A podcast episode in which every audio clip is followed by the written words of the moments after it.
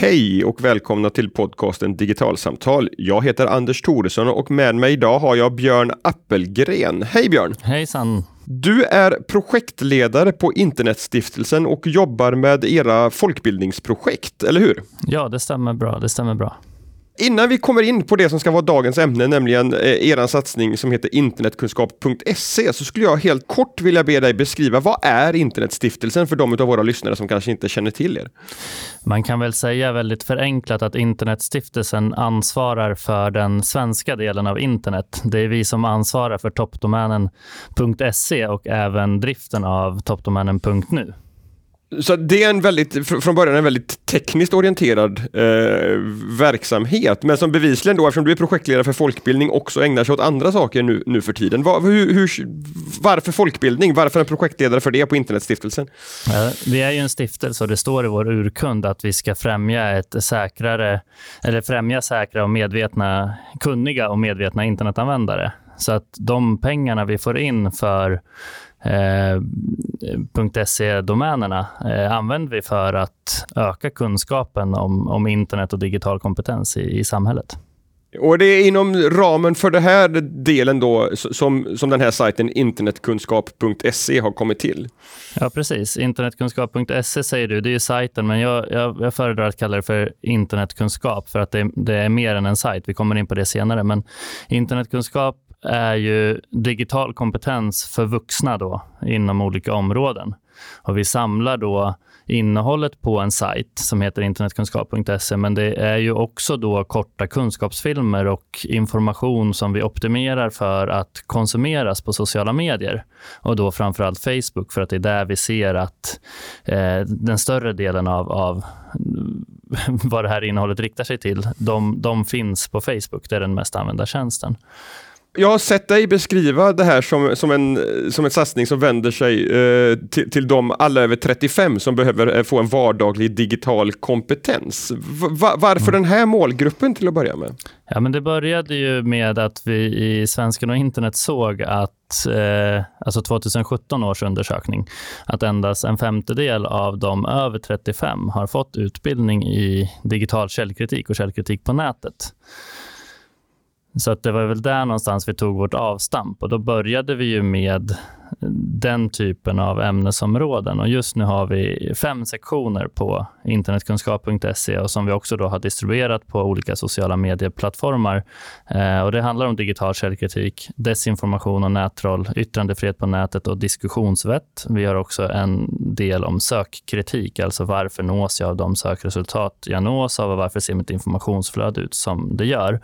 Och då Eh, sen så har vi då den nyaste sektionen som handlar om vanliga it-brott och hur man ska tänka för att inte bli drabbad av de här bedrägerierna. De fyra första där lät ändå, eller kanske också egentligen nätbedrägerier, men, men källkritik svävar över, över det här på något sätt väldigt mycket. Ja, precis. Eh, det var så det började som jag sa, att vi såg att de här, den här femtedelen över 30, eller endast en femtedel över 35 har fått utbildning i digital källkritik. Men vi kunde också se att eh, 50 procent inte kan av, i, alltså av svenska internetanvändare i stort inte kunde avgöra om information på nätet var sann eller falsk. Eh, där såg vi att äldre var, alltså upplever sig ännu sämre än, än vad yngre gör. Och när vi fick den här informationen så stod vi också inför ett, ett stundande valår, valåret 2018, när vi mm. antog då att informationsflödet och eh, olika påverkansförsök skulle vara mer intensiva än vanligt, som, som, det, ja, som sig bör när det är valår. Då är det många som vill få ut sitt budskap.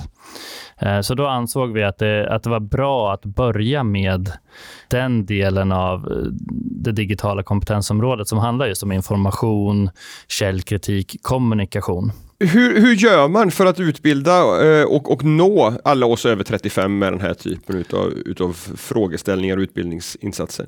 Mm, det, det, är det som är, är den svåra nöten att knäcka så att säga.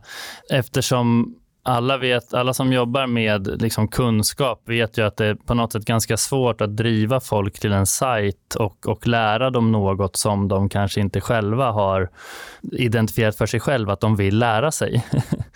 Eh, och därför valde vi att, att jobba dels med, med den här sajten men också att försöka bryta ut och komprimera och, och, och förkorta eh, artiklarna som vi har på sajten till då innehåll på sociala medier. Eh, och Sen har vi jobbat ganska mycket med att, att distribuera innehåll eh, Eh, i, i en, en sociala medier-optimerad form för att ändå på sätt, på sätt och vis nå alla med en liten bit kunskap och det har, gått, det har gått förvånansvärt bra faktiskt. Jag tycker vi har fått ganska bra utdelning för, för de pengarna vi har, har satsat på det. Är det räckvidden vi pratar om eller har du faktiskt liksom märkt en, en, en återkoppling från de som har nåtts av det här? Att, att de, de uppskattar och tycker att det är bra? Ja, dels så har vi ju såklart ett räckviddsmått på det. Vi har nått 2 miljoner eh, under perioden mars till efter valet. De, de, har liksom nåtts av någon av de här delarna. Så att, så att, och Det är ju räckviddsmåtten. Det är ju inte ett jättekvalitativt mått, men det, det visar ändå hur, hur många olika Facebook-användare vi har nått ut till. Eh, sen har, försöker man ju mäta lite mer kvalitativt. Då. Har de tagit del av det här innehållet? Och Då visar det sig att de som har nåtts av en film där är det ungefär 20% som har sett hälften eller mer. Och det, det är svårt att prata, prata den här typen av siffror, men, men eh, i radio så här, och det, det, är svårt att e- elaborera. Liksom, men, men någonstans så, så, hade jag inte förväntat mig att, att det skulle vara så många. Det är fortfarande fler, eh, så här kan man säga, det är fortfarande fler som har sett, sett en halv film eller mer än vad som, har, som vi har lyckats driva trafik till sajten, om man räknar i liksom absoluta tal. Men sen är det ju, det är ju också så att, att vi, vi har ju försökt nå ut via andra nätverk eh, också som kanske sysslar med, med folkbildning mer till vardags och intresseorganisationer och, och, och, andra aktörer. Och Då blir ju sajten kanske det mest primära, så att vi har ju ändå en, en stadig trafik dagligen till sajten och det verkar som att de som liksom jobbar med det här ändå har hjälpt oss att, att, att få en viss trafik in till, till artiklarna och innehållet där konkret innehåll. Vad, vad, är det som, som ni vill hjälpa eh, de som ni når att, att förstå och bli bättre på? Ja, vad gäller, alltså, så här, jag kan, EU-kommissionen har ju ett ramverk för digital kompetens. Eh, det är 20 kompetenser fördelat på fem områden som är information, kommunikation, säkerhet, Eh, Eh, problemlösning och digitalt skapande.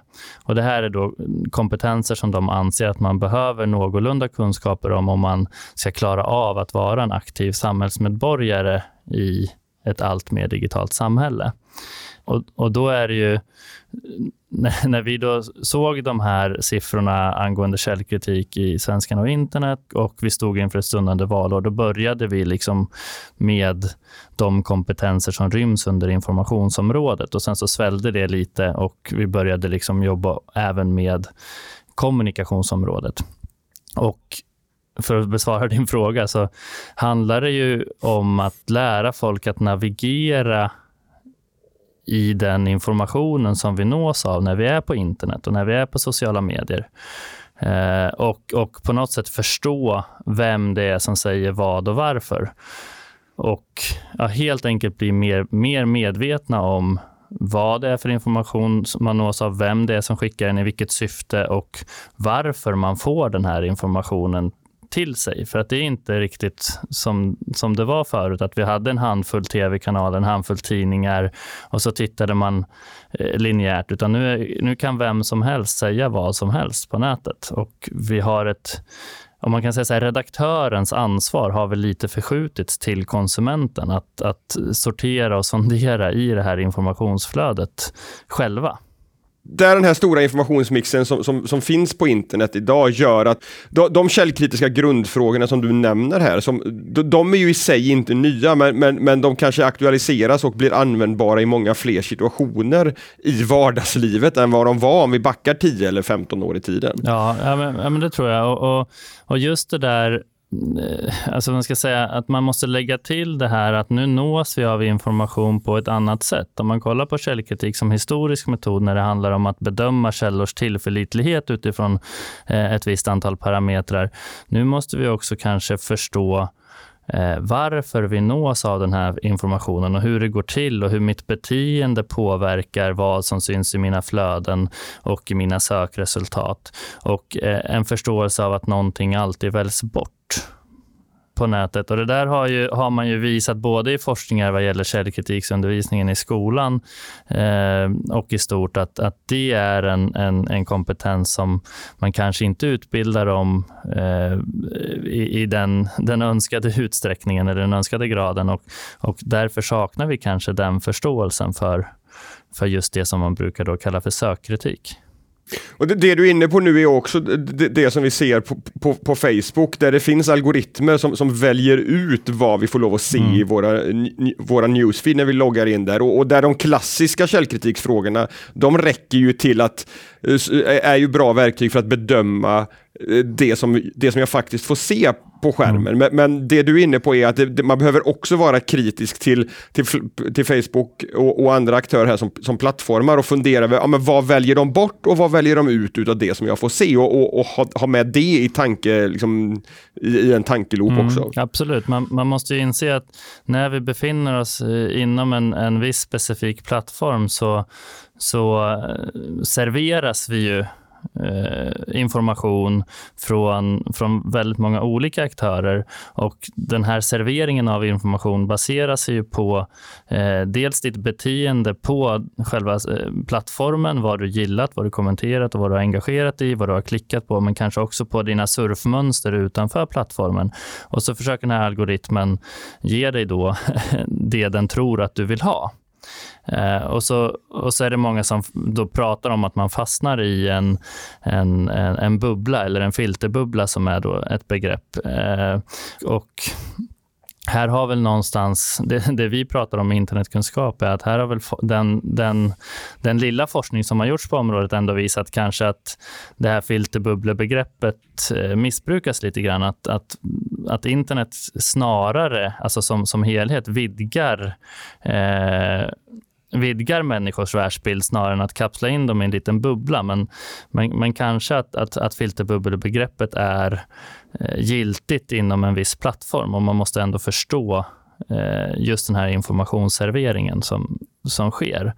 Eh, och, och, kanske då att ett, ett, ett, liksom en strategi för att bryta den eller för att vidga sin världsbild är ju att kanske eh, mer aktivt och mer nyfiket söka upp information utanför då kanske sin hemmaplattform eller de plattformarna man använder mest. Eh, det tror jag. Så det handlar mm. inte bara om att granska kritiskt, det handlar också om att kanske vara mer nyfiken. Vi, vi får inte hamna i, i bara den här distinktionen mellan sant och falskt. Vi måste också Eh, kanske bli mer aktiva och nyfikna i vår, vår informationsinhämtning. Och där finns ju ett begrepp som har kommit lite efter källkritiken och det är ju källtilliten. Och jag hörde det första gången av Jutta Heider på, på Lunds universitet där hon pratar om att det finns så himla många olika källor till information just nu så att eh, vi kommer omöjligt liksom kunna ställa alla de här avsändarna mot varandra utan det gäller att på något sätt, eh, alltså en liten genväg till källkritiken nu kan vara att identifiera en rad olika källor som man litar på eller har ett stort förtroende för och, och kanske vänder sig till dem när man stöter på påståenden och sånt som man kanske misstänker har, har vinklats åt ett eller annat håll för, för, för ett eller annat syfte. Så källtillit går lite hand i hand med källkritik och man behöver också väva in sökkritiken här. Du, du pratar om de här algoritmerna då som, som väljer ut. Jag, jag tänker att det finns ju, det går ju också att göra en parallell här till, till en redaktör på en traditionell redaktion. När, när jag växte upp i norra Bohuslän, då såg inte första sidorna på Bohuslänningen och Dagens Nyheter ut på samma sätt, utan där skedde ju också ett, ett urval ut, utifrån vilken plattform det var och, och så vidare. Va, va, vad menar du är den fundamentala skillnaden mellan en, en mänsklig redaktör som gör det här urvalet och de automatiserade, algoritmiserade, programmerade dedikerade redaktörerna som vi ser på Facebook och, och andra plattformar idag. Om man, om man, om man jämför liksom det analoga mot det digitala så tror jag att den stora skillnaden är väl att, att det, det vi säger när vi säger, menar när vi säger algoritm i, i, liksom, i det här sammanhanget är att den baserar sina parametrar utifrån våra beteenden, att den samlar in data om oss. Det var, var ju väldigt svårt för en, en redaktör på en analog tidning att göra. Så att det handlar om att man försöker skräddarsy någonting och ge oss mer av det vi vill ha. Eh, så kanske det förvisso också funkade med liksom att, att när, vi prat, när, när, vi var fast i att löpsedlar och det var, var ett stort diskussionsämne så sa man att, att kvällstidningarna eh, på grund av sin försäljning kunde säga att vi ger det som folk vill läsa. Men, men det fanns inte en lika noggrann liksom, datainsamling som, som det finns nu. Det skulle jag säga är den stora fundamentala skillnaden. Du är, du är inne på en annan intressant tanke här, nämligen att, att en, en sak att angripa eh, det, det här, det är ju att, att själv bli betydligt mer aktiv som mm. mediekonsument. Mm. Att, att vara nyfiken, att hitta nya källor att komplettera med och så vidare. Hur, hur jobbar ni inom ramen för internetkunskap med att, att liksom driva ett sånt beteende? Eh, det tror jag inte vi har gjort faktiskt än så länge. Vi nämner ju att det är en bra idé, men, men eh, det finns ingenting i innehållet eller liksom i, i som försöker leda folk till vissa eh, källor. Eh, så, utan utan vi, vi säger att det, det, är viktigt att vara nyfiken och att, att, att söka sig till primärkällor. Alltså vi ger ju ändå eh, verktyg för att på något sätt kunna navigera i det informationsflödet som finns. Mm. För, för det, det, jag tänker är att här, här öppnar sig, jämfört med det, det gamla linjära medielandskapet och det, det tryckta, eh, där, där, man inte kunde vara annat än en passiv mediekonsument egentligen, så, så öppnar ju samtidigt tekniken, och det kan jag tycka att det kanske har pratats för lite om, just den här möjligheten att, att bli mer aktiv och, och, och, ta ett eget ansvar för sin, sin informationsinhämtning. Mm. Ja, det kan man göra. Alltså, vi börja med eh, att det, liksom, det går att trimma sina informationsflöden så att man får ett bra... Det går att söka sig till fler plattformar, det går att söka sig till, till liksom de källor som eh, man ändå har ett högt förtroende för. Och så. Men det som, det som vi också det som, det som också är ganska nyttigt är att det blir de här sociala medieplattformarna och även i, i många kvällstidningars kommentarsfält är ju väldigt eh, interaktiva. Alltså det går att Eh, det går dels att kommentera på det som skrivs, men det går också att publicera eget. Eh, och där såg vi att det var väldigt viktigt att liksom prata lite om vad får man skriva på nätet? Vad är yttrandefrihet på nätet? Vad är censur? Eh, vi, vi hör folk ropa på censur hela tiden. Vad är det? Liksom, mm. och, och, så vidare. Men, och, och då hamnade vi även in på att liksom prata om eh, strategier för att faktiskt föra diskussioner. För det, det, är, ju, det är ju en styrka att, att, att vem som helst kan och får uttrycka sig på internet. Det är en av de, de fina sakerna och, och, och även att man delar med sig av, av sånt man tycker är intressant eller förfärligt. Eh, men det spårar, näst, det, det spårar väldigt ofta ut i olika kommentarsfält och då, då såg vi också att det, det fanns fog för att göra en del om diskussionsvett. Eh, och det här kunde vi också då eh, så hitta lite om man ska säga behovs, alltså lite bakgrundsbehov av i svenskarna och internet. För, för där såg vi att näthat är vanligt förekommande. Bland alla svenska internetanvändare så är det 14 procent som, som eh, uppger att de har utsatts för näthat. Och det är en hel tredjedel om man tittar på det, liksom, man ska säga, det yngre vuxensegmentet. Eh, vi såg också att folk som uttrycker politiska åsikter på nätet näthatas i större utsträckning och att näthatet i sig leder till självcensur, att man då avstår från att uttrycka sig politiskt på nätet. Så här tyckte vi också att det fanns eh, ganska mycket att göra kring just yttrandefrihetsfrågan och diskussionsvetsfrågan. Eh, också för att liksom, på något sätt göra eh, internet och internetanvändare, eh, internetanvändandet bättre. För, för det tror jag alla som lyssnar på det här har, har, är med i någon Facebookgrupp eller varit inne i ett kommentarsfält där det inte är ungdomar som ofta är de som beskylls för att, för att mm. näthata och mm. nätmobba varandra som, som, som står för det liksom, tråkiga tonläget mm. utan där det är vux, vuxna människor som gör det. Hur, hur adresserar ni det? Ja, men vi, vi gör det ju väldigt grundläggande. Vi går ju, vi går ju först igenom vad näthat är och vilka lagar och regler det är som reglerar det. Att det, liksom, eh, det är i stort sett samma lagar eh, utanför utanför internet som det är på internet. Eh, nu finns det i och för sig några nya lagar som, som har kommit till specifikt för det digitala, olaga identitetsintrång och så vidare.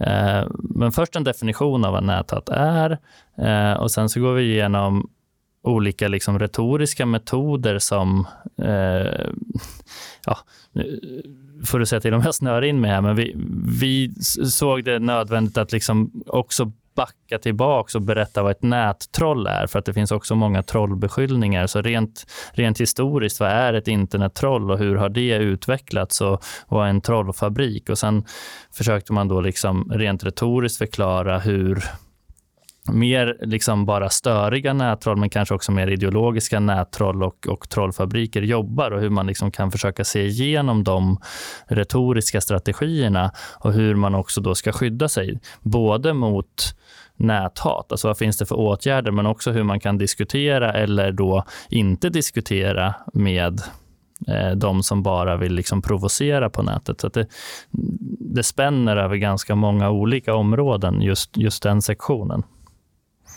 Du sa att det femte eh, området som ni har börjat adressera nu, det handlar bland annat om att, att hjälpa till att, att skydda sig mot den nätbrottslighet som finns nu med identitetskapningar och, och, och, så vidare. Varför var det ett ben som ni, som ni såg behöver också ingå i paketet internetkunskap? Ja, men det, det, är också då, dels så har vi då i just det här ramverket för digital kompetens där säkerhet eh, är eh, en av de kompetenser man, man behöver.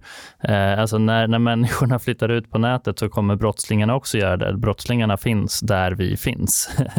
eh, sen kan vi också se statistik, dels då i, i svenskan och internet, eh, som, som tyder på att eh, det behövs göra en insats. Och det finns ju även statistik från Nationellt bedrägericentrum eller Brottsförebyggande rådet som visar att den här typen av brott ökar. Eh, men om jag håller mig då till, till, till vad vi kunde se i svenskan och internet så är det ju till exempel 13 procent som, som uppger att de har köpt något som har presenterats missvisande på, på en näthandel. Eh, 4 uppger att de har fått kreditkortsuppgifter stulna på nätet. Här tror jag dock att så här, mörkertalet är ganska stort. Eh, för det kanske inte är alltid man är medveten om att man har fått sina kreditkortsuppgifter stulna. Eh, det är hela 28 procent, alltså nästan en tredjedel, som, har blivit, som påstår då att de har blivit kontaktade av någon på internet som har bett om bankuppgifter eller annan personlig information.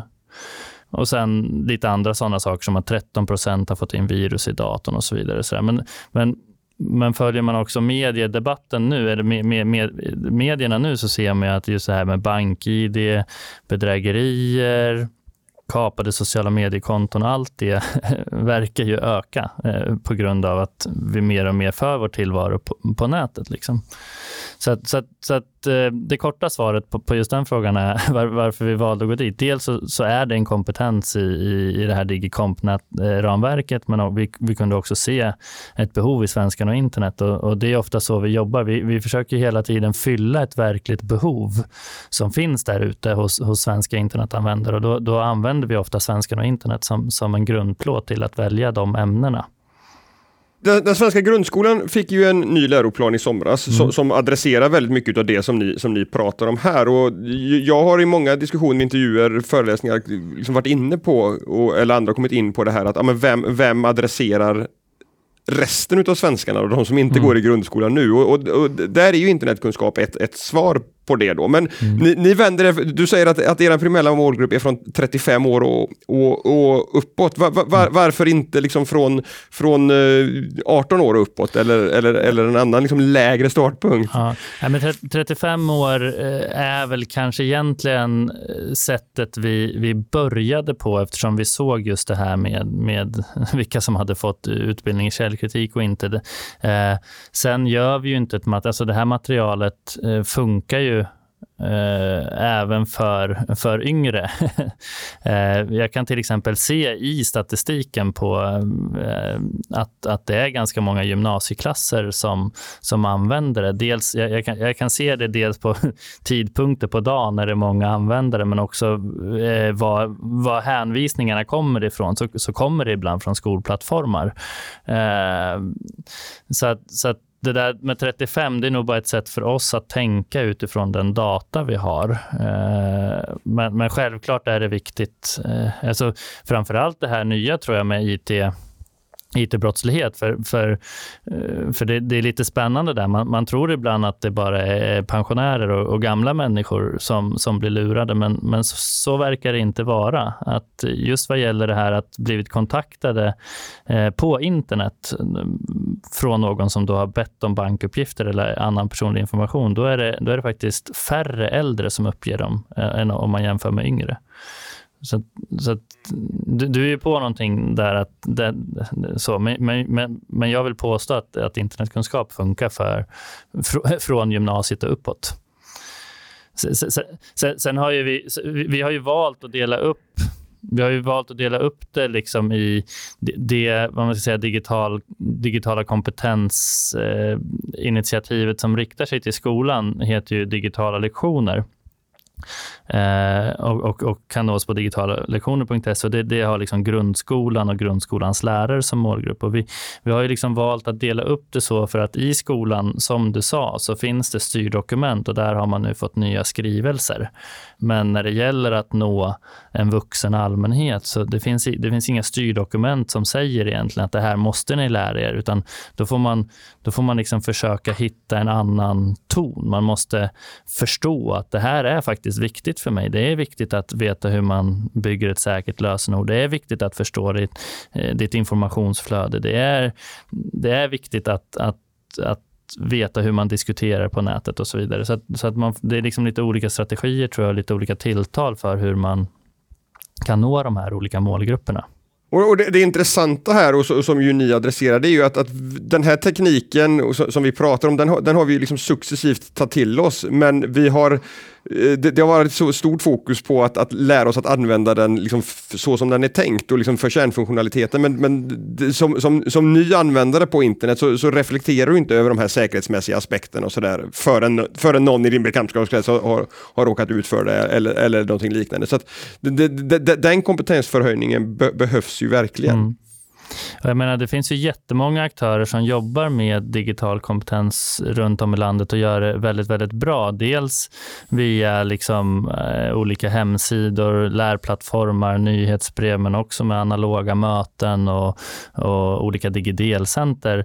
Eh, så att vi försöker väl på något sätt vara, göra någonting som, som inte någon annan aktör, eh, aktör gör. Och, och allt vårt material är ju också CC-licensierat, så att man kan ju väva in det i sitt eget. Man får använda det utifrån den, den gällande CC-licensen. Då.